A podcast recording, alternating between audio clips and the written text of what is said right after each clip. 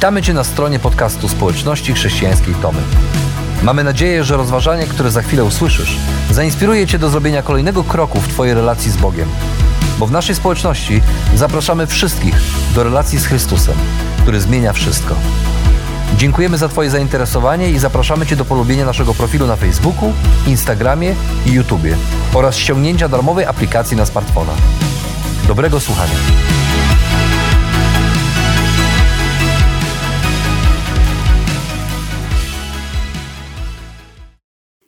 Kto z Was e, pamięta grę Zgadnij kto to? Pamiętacie?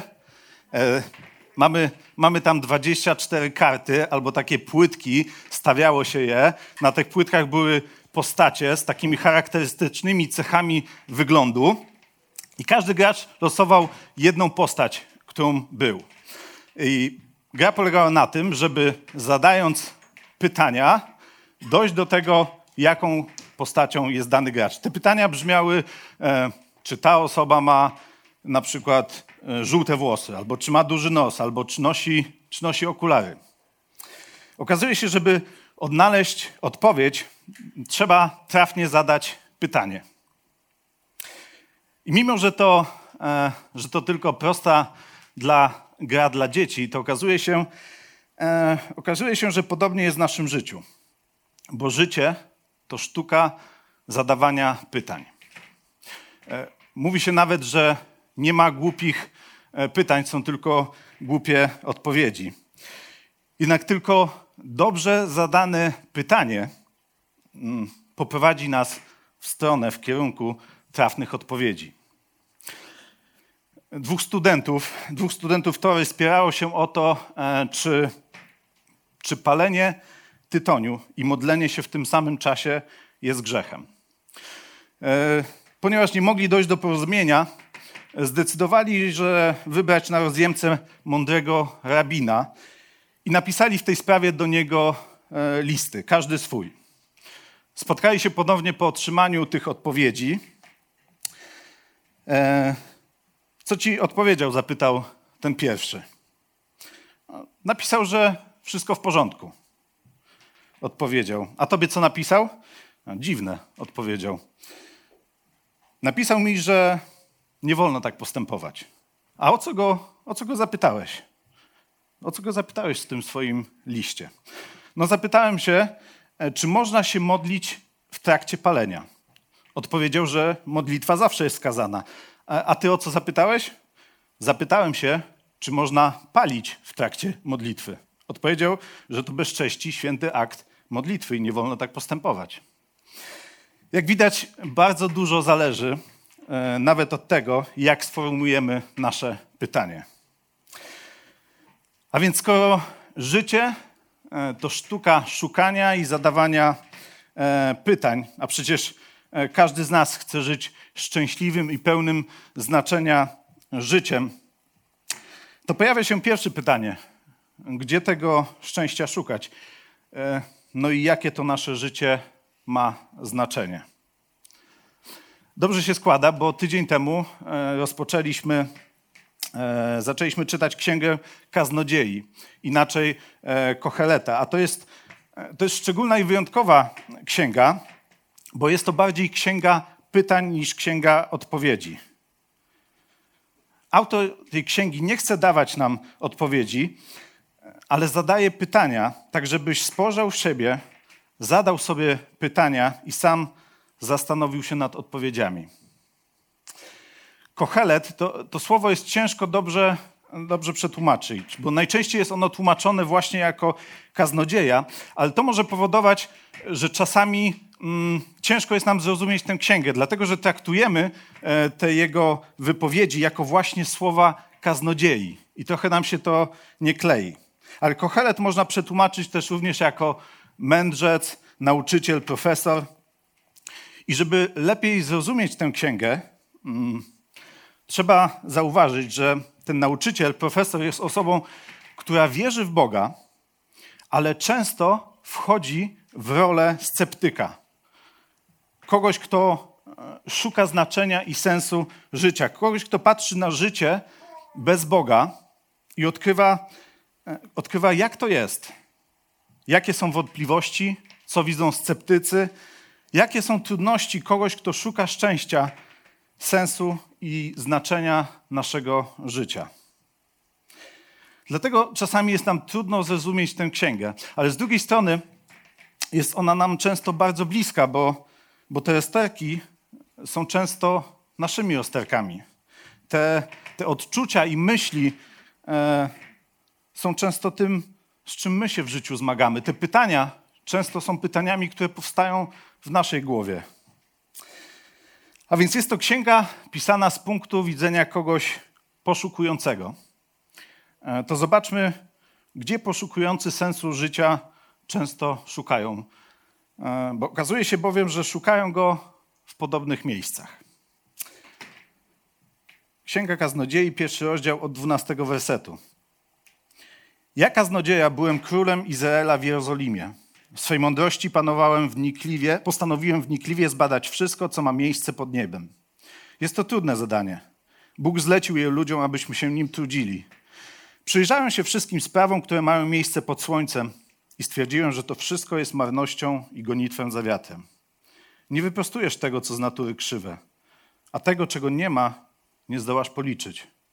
Pomyślałem więc sobie, oto stałem się wielki, przewyższam mądrością wszystkich, którzy byli w Jerozolimie przede mną.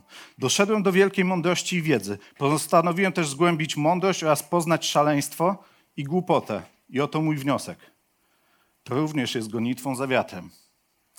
Bo gdzie wiele mądrości, tam wiele zmartwienia, a kto pomnaża poznanie, pomnaża cierpienie. Autor e, wciela się w rolę osoby, która patrzy na świat i życie, jakby było ono wszystkim, co jest. Samo bez Boga. Mówi, zobaczcie, przyjrzałem się wszystkim sprawom pod słońcem. A to jego sposób na, na powiedzenie, e, spojrzę więc na to życie pod słońcem, tu na ziemi, jak ono by było tym wszystkim, co jest i poszukam tam sensu. Poszukam znaczenia i szczęścia. Być może, gdy, e, gdy zbadam i zrozumiem wszystko to, co nas otacza i jak ten świat działa, jak on funkcjonuje, to odkryję, odkryję sens tego wszystkiego. A to, da mi, a to da mi w końcu poczucie szczęścia.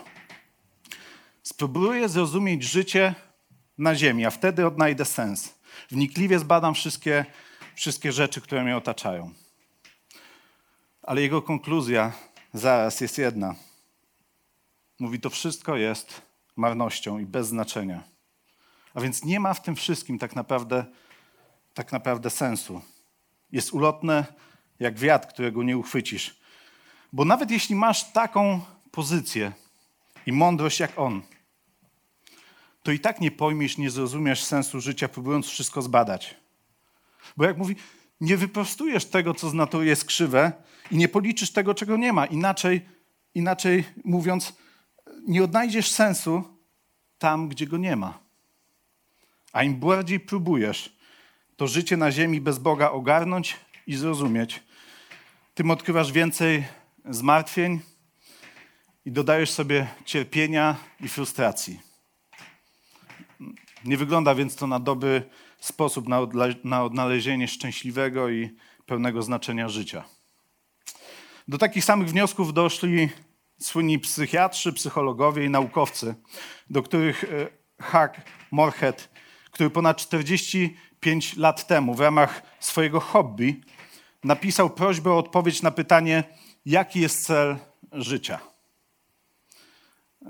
Te odpowiedzi, jakie otrzymał, są dosyć przygnębiające. Isaac Asimov odpisał, o ile widzę, życie nie ma sensu. Karl Young, e, szwajcarski psychiatra, napisał, nie wiem, jaki jest sens czy cel życia, ale wygląda na to, że musi, musi coś znaczyć. Autor, e, Arthur Clarke napisał, obawiam się, że nie mam konkretnych pomysłów na cel życia. Albert Ellis, psychiatra, który wynalazł terapię e, relacyjno emotywną, powiedział: O ile wiem, życie nie ma żadnego specjalnego ani wewnętrznego znaczenia, ani celu. Gerald Frank w kosmicznym schemacie nie widzę sensu ani celu. William Gasp, życie nie ma sensu. Thomas Nagel, obawiam się, że sens życia wciąż mi umyka. A więc życie generalnie jest bez sensu, bo nie jesteś w stanie, nie jesteś w stanie go zrozumieć. A próba zrozumienia wcale nie daje satysfakcji ani szczęścia.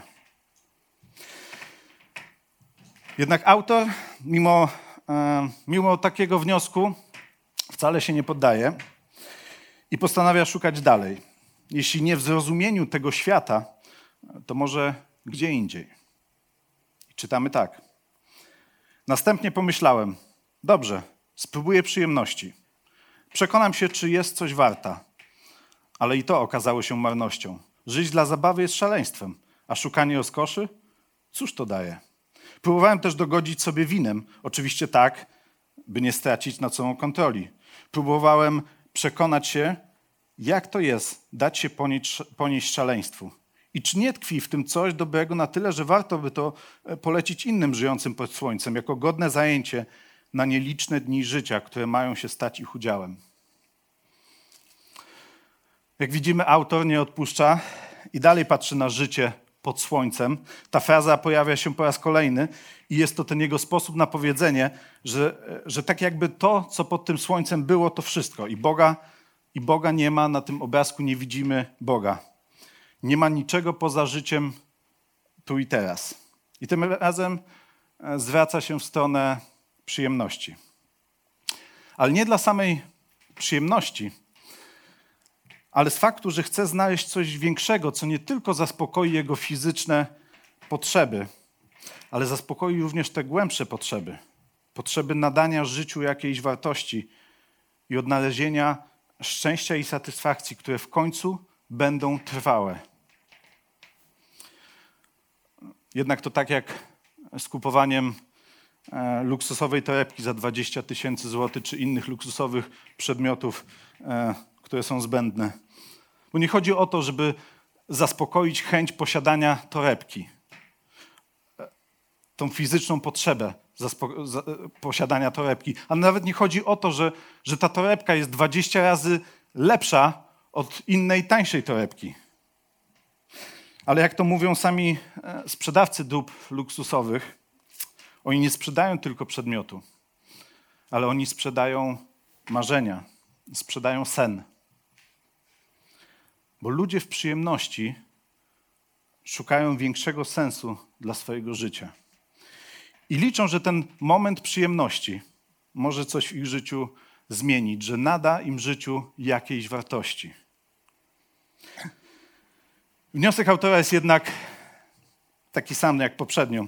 A tutaj to porównanie, e, którego używa autor do wiatru, jest super adekwatne, e, bo życie dla przyjemności jest jak właśnie łapanie tego wiatru. No, spróbuj go złapać. No, no nie ma takiej możliwości. Mimo, że kiedy on wieje, kiedy go czujesz, to przez chwilę nawet daje ten e, przyjemny moment. Możesz go poczuć, ale za chwilę, za chwilę go już nie ma. Dalej przelatuje, nie zostawiając, zostawiając po sobie jedynie pustkę i brak odpowiedzi na pytanie o sens życia. A tę pustkę wielu ludzi na nowo bezskutecznie próbuje wypełnić alkoholem, seksem, zakupami. No dobrze, ale nie ma się co poddawać. Jeśli nie w przyjemnościach, to może ten sens i szczęście jest w naszych dokonaniach. Zobaczmy, co pisze o tym autor. Nadałem rozmach własnym dziełom. Pobudowałem sobie domy, zasadziłem winnice, założyłem ogrody i parki, zasadziłem przeróżne drzewa owocowe. Urządziłem sobie stawy z wodą, aby z nich nawadniać lasy. Nabyłem sobie służących, kupiłem służące, doczekałem się ich potomków urodzonych w domu. Stad bydła oraz owiec miałem więcej niż ci, którzy przede mną rządzili w Jerozolimie. Nagromadziłem sobie srebra, miałem dużo złota, naściągałem skarbów z królestw i prowincji. Zadbałem o śpiewaków, cieszyły mnie śpiewaczki i rozkosz synów ludzkich, kobiety i kochanki. Tak stałem się wielki. Osiągnąłem więcej niż wszyscy moi poprzednicy w Jerozolimie. A ponadto mogłem korzystać z mądrości. Czegokolwiek zapragnęły moje oczy, pozwalałem im oglądać z bliska. Nie odmawiałem sobie najmniejszej radości. Tak moje serce cieszyło się owocem całego mego trudu. Na tym właśnie polegał mój udział w tym, że go podejmowałem. W końcu przyjrzałem się tym wszystkim moim dziełom, spojrzałem na to, czego dokonały moje ręce, oceniłem, ile kosztowało mnie to trudu i oto do czego doszedłem. Wszystko to jest marnością i gonitwem za wiatrem. Nie niesie za sobą żadnego pożytku pod słońcem. Michael Jackson był amerykański piosenkarz, autor tekstów, tancerz, nazywany królem popu. Był jednym z najpopularniejszych artystów estradowych na świecie i jednym z najlepiej sprzedających się artystów muzycznych, bo jego e, album Thriller e, był najlepiej sprzedającym się albumem wszechczasów. Został sprzedany w ponad 66 milionach egzemplarzy. Miał więc niezwykłe osiągnięcia. Miał też popularność, sławę, zwierzęta domowe i domy, posiadłości, samoloty, rezydencje. Miał to, czego chciał dzięki swoim dokonaniom. Po śmierci Jacksona Forbes umieścił go e, pięciokrotnie jako najlepiej zarabiającego zmarłego celebrytę. Jednak wszystko, to wszystko nie mogło w żaden sposób go uszczęśliwić. Michael Jackson zmagał się e, ze strachem, bezsennością. Bywały dni, że nie miał nawet siły wstać z łóżka. Aż w końcu zmarł z przedawkowania w 2009 roku. Bo okazuje się, że osiągnięcia, posiadanie rzeczy, sława, bogactwo, bogactwo popularność nie mogą nas uszczęśliwić. I po raz kolejny do takich samych wniosków dochodzi nasz kaznodzieja. Ocenił cały trud, który włożył i zobaczył, że nie niesie to żadnego pożytku pod słońcem. To bez znaczenia i przemijające. Nie możesz na tym oprzeć swojego szczęścia ani wartości swojego życia. Nie wiem jak wy, ale ja już pewnie bym się poddał, ale Kochelet nie odpuszcza i szuka dalej i zadaje kolejne pytanie. Czy może tu się chowa ten sens i szczęście? Skierowałem więc myśl tak, by przyjrzeć się mądrości, szaleństwu i głupocie. Bo co pozostaje człowiekowi, który nastaje po królu, jeśli nie to, by czynić to, co zawsze czyniono? Zauważyłem wówczas, że pożytek z mądrości jest większy niż z głupoty, tak jak pożytek ze światła jest większy niż z ciemności. Mędrzec wie, dokąd idzie. Głupiec kluczy w ciemności. Lecz przekonałem się przy tym, że wszystkich spotyka ten sam los. Zastanowiło mnie to. Los, który spada, spotyka głupca, spotyka również mnie. Więc jaki sens ma ta moja mądrość? Doszedłem do wniosku, że i to jest marnością. I owszem, mądry ani głupi nie pozostaną w pamięci na wieki. W przyszłości, jak dotychczas, zapomni się o wszystkim. Mędrzec i głupiec umrą w ten sam sposób. To sprawiło, że znienawidziłem życie. Przecież to, co się dzieje pod słońcem, nie niesie mi żadnej korzyści. Wszystko jest marnością i gonitwem za wiatrem. Widzimy, że następna w kolejności jest mądrość. Co akurat e, dla tego autora pomyślałbym, że będzie pierwszą, e, pierwszym obszarem, w, który zacznie, w którym zacznie swoje poszukiwania. A więc bada, dokąd prowadzi życie mądrego. I te pierwsze Pierwsze wnioski są dosyć obiecujące, e, bo przecież prawdą jest, że pożytek z mądrości jest większy niż z głupoty. Lecz biorąc pod uwagę jego założenie, które poczynił, że badamy życie pod słońcem, a więc nie ma nic poza nim, to okazuje się, że tak naprawdę nie ma znaczenia, jaką my drogą pójdziemy, skoro obie drogi, a tak naprawdę każda droga prowadzi do tego samego celu. Twoje życie się w końcu skończy i nikt za ileś lat nie będzie o tobie pamiętał, ani o tym, czy byłeś mądry, czy byłeś głupi i którą drogą szedłeś. Finał jest taki sam. I po raz kolejny, jak refen, jego wniosek brzmi: Przecież to, co się dzieje pod słońcem, nie niesie mi żadnej korzyści. To wszystko jest marnością i gonitwem za wiatrem. Ale okazuje się, że nie tylko on szukał w tym miejscu, bo przez wszystkie wieki ludzie e, tworzyli różne filozofie. A filozofia to nic innego jak próba odnalezienia znaczenia ludzkiego życia bez odnoszenia się do Boga. Zgłębianie, jaki jest ten właściwy i mądry sposób na życie. Jednak jakie znaczenie ma ta filozofia, jeśli każdy kończy w ten sam sposób i w tym samym miejscu? Kończysz tam, gdzie głupi. Bo życie kończy się śmiercią i nie ma znaczenia, ile wiesz, co zgłębiłeś. Kończysz i nikt o tobie nie pamięta. Nic nie zrobiłeś, nie zmieni świata. To, co ze sobą zostawiasz, nie zmienia świata, nie pozostaje po tobie. Żadna filozofia nie ma znaczenia. Czyli jeśli nie mądrość, jeśli nie przyjemności, a, naw- a nawet niewielkie dokonania, to co może nadać sens, a tym samym dać to poczucie szczęścia? Nie dając za wygraną i chcąc być rzetelnym w swoich poszukiwaniach i stawianiu pytań, Kochelet szuka w jeszcze jednym miejscu. Chociaż, e, jak usłyszycie, już nieco zrezygnowany. Wezbrała też we mnie niechęć do całego trudu, który podjąłem pod słońcem. Przez to, że jego owoce będę musiał zostawić komuś, kto nastanie po mnie. A czy on będzie mądry, czy on będzie głupi? Któż to wie? Nie przeszkodzi mu jednak rządzić wszystkim, co ja zdobywałem pod słońcem, w trudzie i z ogromną rozwagą. Tak, to również jest marnością. I wtedy cały wysiłek, który podjąłem pod słońcem, zaczął we mnie budzić rozpacz. Bo przecież zdarza się i tak, że człowiek podejmuje trud przemyślany, poparty wiedzą i z nastawem, a musi swój udział w zyskach zostawić komuś, kto się wcale nie trudził. To również jest marnością. To niesprawiedliwe. Bo cóż pozostaje człowiekowi z całego jego trudu, z porywów serca, z tego, co go pochłaniało pod słońcem, skoro wszystkie jego dni są cierpieniem, jego zajęcia zmartwieniem i nawet w nocy jego umysł nie zaznaje spokoju. To też jest marnością.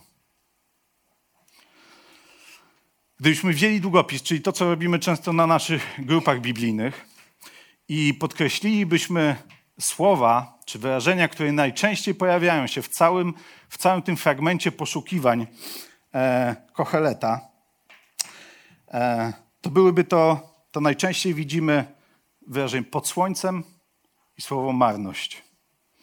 I samo to, samo już to pokazuje nam, na, jakie jest głównie, główne przesłanie poszukiwań Kocheleta. Tak jak zrozumienie świata, przyjemności, dokonania czy mądrość, tak i Twoja praca nie nada Twojemu życiu sensu ani nie sprawi, że będziesz, że będziesz szczęśliwy. Bo odchodząc, nie masz już nawet wpływu, co się stanie z tym, co po sobie zostawiasz. Kto to przejmie, co z tym zrobi, czy to odpowiednia osoba, czy zasłużyła, czy ona dalej to poprowadzi, pociągnie, czy wszystko e, zniweczy cały ten wasz trud. Troy Phelan, bohater książki Johna Grishama pod tytułem Testament, miał wszystko, czego mógł zapragnąć człowiek. Posiadał ropociągi, elektrownie, plantacje kawy, kopalnie srebra i miedzi. Wszystko dzięki swojej ciężkiej pracy. Jego majątek szacowano na 11 miliardów dolarów. Mówi, miałem trzy żony, miałem trzy rodziny, trzy były żony, które urodziły mi siedmioro dzieci, z których szóstka ciągle żyje i robi co w jej mocy, by mnie dręczyć. Nie mam nic wspólnego ze swoją rodziną, poza tym, że moje żony i dzieci zbierają się dzisiaj, ponieważ umieram i nadszedł czas, by podzielić moje pieniądze. Jego historia nie skończyła się dobrze. Troy postanowił umrzeć wcześniej niż powinien. Jego życie runęło w gruzach, a wszystko, co gromadził przez lata i nad czym pracował przez całe życie, stało się obiektem niekończących się walk jego dzieci, żon i całych zastępów prawników, które wynajęli. Okazuje się, że w poszukiwaniach, gdy poszukujesz, brak odpowiedzi jest również odpowiedzią, bo pokazuje, że w takim razie szukamy w niewłaściwych miejscach. Bo jeśli nasze życie tu na ziemi to wszystko, a Boga nie ma, to nic nie ma sensu i znaczenia. I w tym momencie kaznodzieja postanawia wyjść z roli sceptyka. I czytamy tak. Nie ma dla człowieka nic lepszego niż to, by się najeść i napić i korzystać z dóbr dobytych, zdobytych własnym trudem. Zauważyłem, że to również pochodzi z ręki Boga. Bo kto może jeść? Kto dogadzać sobie bez jego przyzwolenia? To przecież Bóg daje człowiekowi, który jest mu miły, mądrość, poznanie i radość. A co z grzesznikiem? Bóg zajmuje go zbieraniem i gromadzeniem tego, co później przekaże o sobie jemu miłej. Cóż, to również jest marnością i gonitwem za wiatem. Kaznodzieja kończy w tym miejscu swoje poszukiwania w życiu pod słońcem. I tu dopiero pojawia się Bóg. I to ciekawe, bo nagle te wszystkie rzeczy, e, które były gonitwą za wiatrem i nie dawały szczęścia ani satysfakcji, nagle te same rzeczy zaczynają cieszyć i są darem od Boga. Wszystkie rzeczy, które były marnością, stają się darem. Praca to dar, mądrość to dar, przyjemność to dar. Kiedy Bóg pojawia się na naszym obrazku, to nawet najprostsze czynności, takie jak jedzenie, codzienne jedzenie, staje się darem. Potrafi cieszyć i dawać satysfakcję. ciekawe jest to, zobaczcie, że autor na koniec wcale nam nie odpowiada, nie odpowiada, gdzie ten sens życia jest. Wiemy za to, gdzie go nie ma. Wiemy, że ten sens związany jest jedynie z Bogiem. Pokazuje, gdzie masz szukać tych odpowiedzi, a gdzie na pewno ich nie odnajdziesz. I poniekąd zrobił za nas wielką robotę, bo wielu z nas nie starczyłoby życia, żeby szukać w tych wszystkich miejscach, w których On e, szukał i nie znalazł. A więc nie dostajemy tutaj dokładnych odpowiedzi, ale autor popycha nas do zadawania właściwych pytań we właściwym miejscu, bo dobrze zadane pytanie w właściwym miejscu doprowadza nas do dobrych odpowiedzi. Okazuje się, że jeśli potraktujesz życie jako dar od Boga, to nawet te najmniejsze i najprostsze rzeczy mogą Cię cieszyć i sprawiać Ci radość, bo nie próbują odpowiedzieć na Twoją najgłębszą potrzebę znalezienia sensu. Nie wchodzą w pozycję Boga, który jest jedyną odpowiedzią. Jest większy i poza tym wszystkim, co przeżywamy i doświadczamy tutaj na Ziemi. Viktor Frank, to austriacki psychiatra i e, psychoterapeuta, więzień obozów koncentracyjnych, e, między innymi Auschwitz. Po zakończeniu wojny opisał swoje e, przemyślenia odnośnie sensu i celu życia na podstawie obserwacji współwięźniów, z którymi obsadzony był w obozach.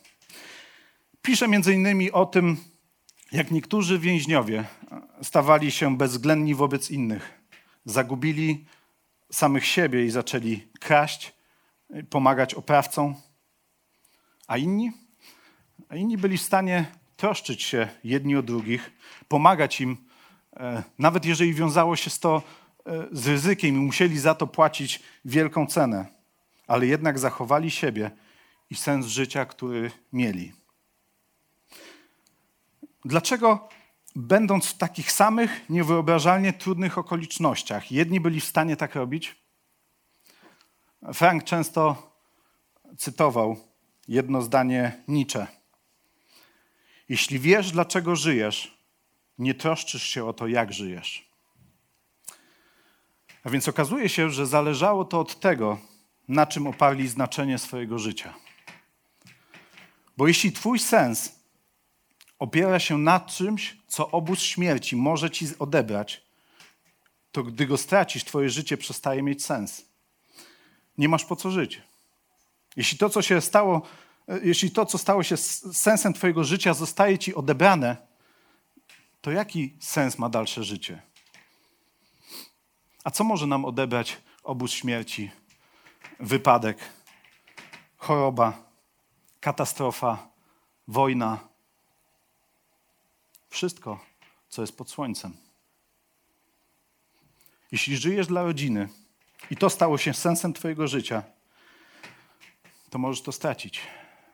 Ktoś może Ci to odebrać, tak jak odebrał to obóz śmierci. Jeśli żyjesz dla statusu, polityki, dla kariery, pieniędzy, seksu i przyjemności, to dzisiaj to możesz mieć. Ale jutro to może odlecieć jak wiatr. Jeśli to jest coś, co jest pod słońcem, to to może zostać ci odebrane. A jedynie ci, którzy żyli dla czegoś, co nie mogło zostać im odebrane, bo jest większe, bo jest ponad to, co tu i teraz nie stracili sensu w życiu. Bo jeśli żyjesz dla Boga, to nikt nie może ci tego odebrać, bo to jest ponad życie tu pod słońcem. Dlatego szukaj sensu życia w Bogu i ciesz się życiem i tym, co cię spotyka, bo jest ono darem od Niego.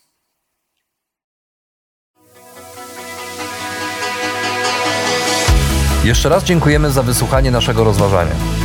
Jeżeli mieszkasz w okolicach Tomaszowa Mazowieckiego lub Łodzi, zapraszamy Cię do odwiedzenia nas na niedzielnym nabożeństwie. Więcej informacji znajdziesz na stronie schatomy.pl.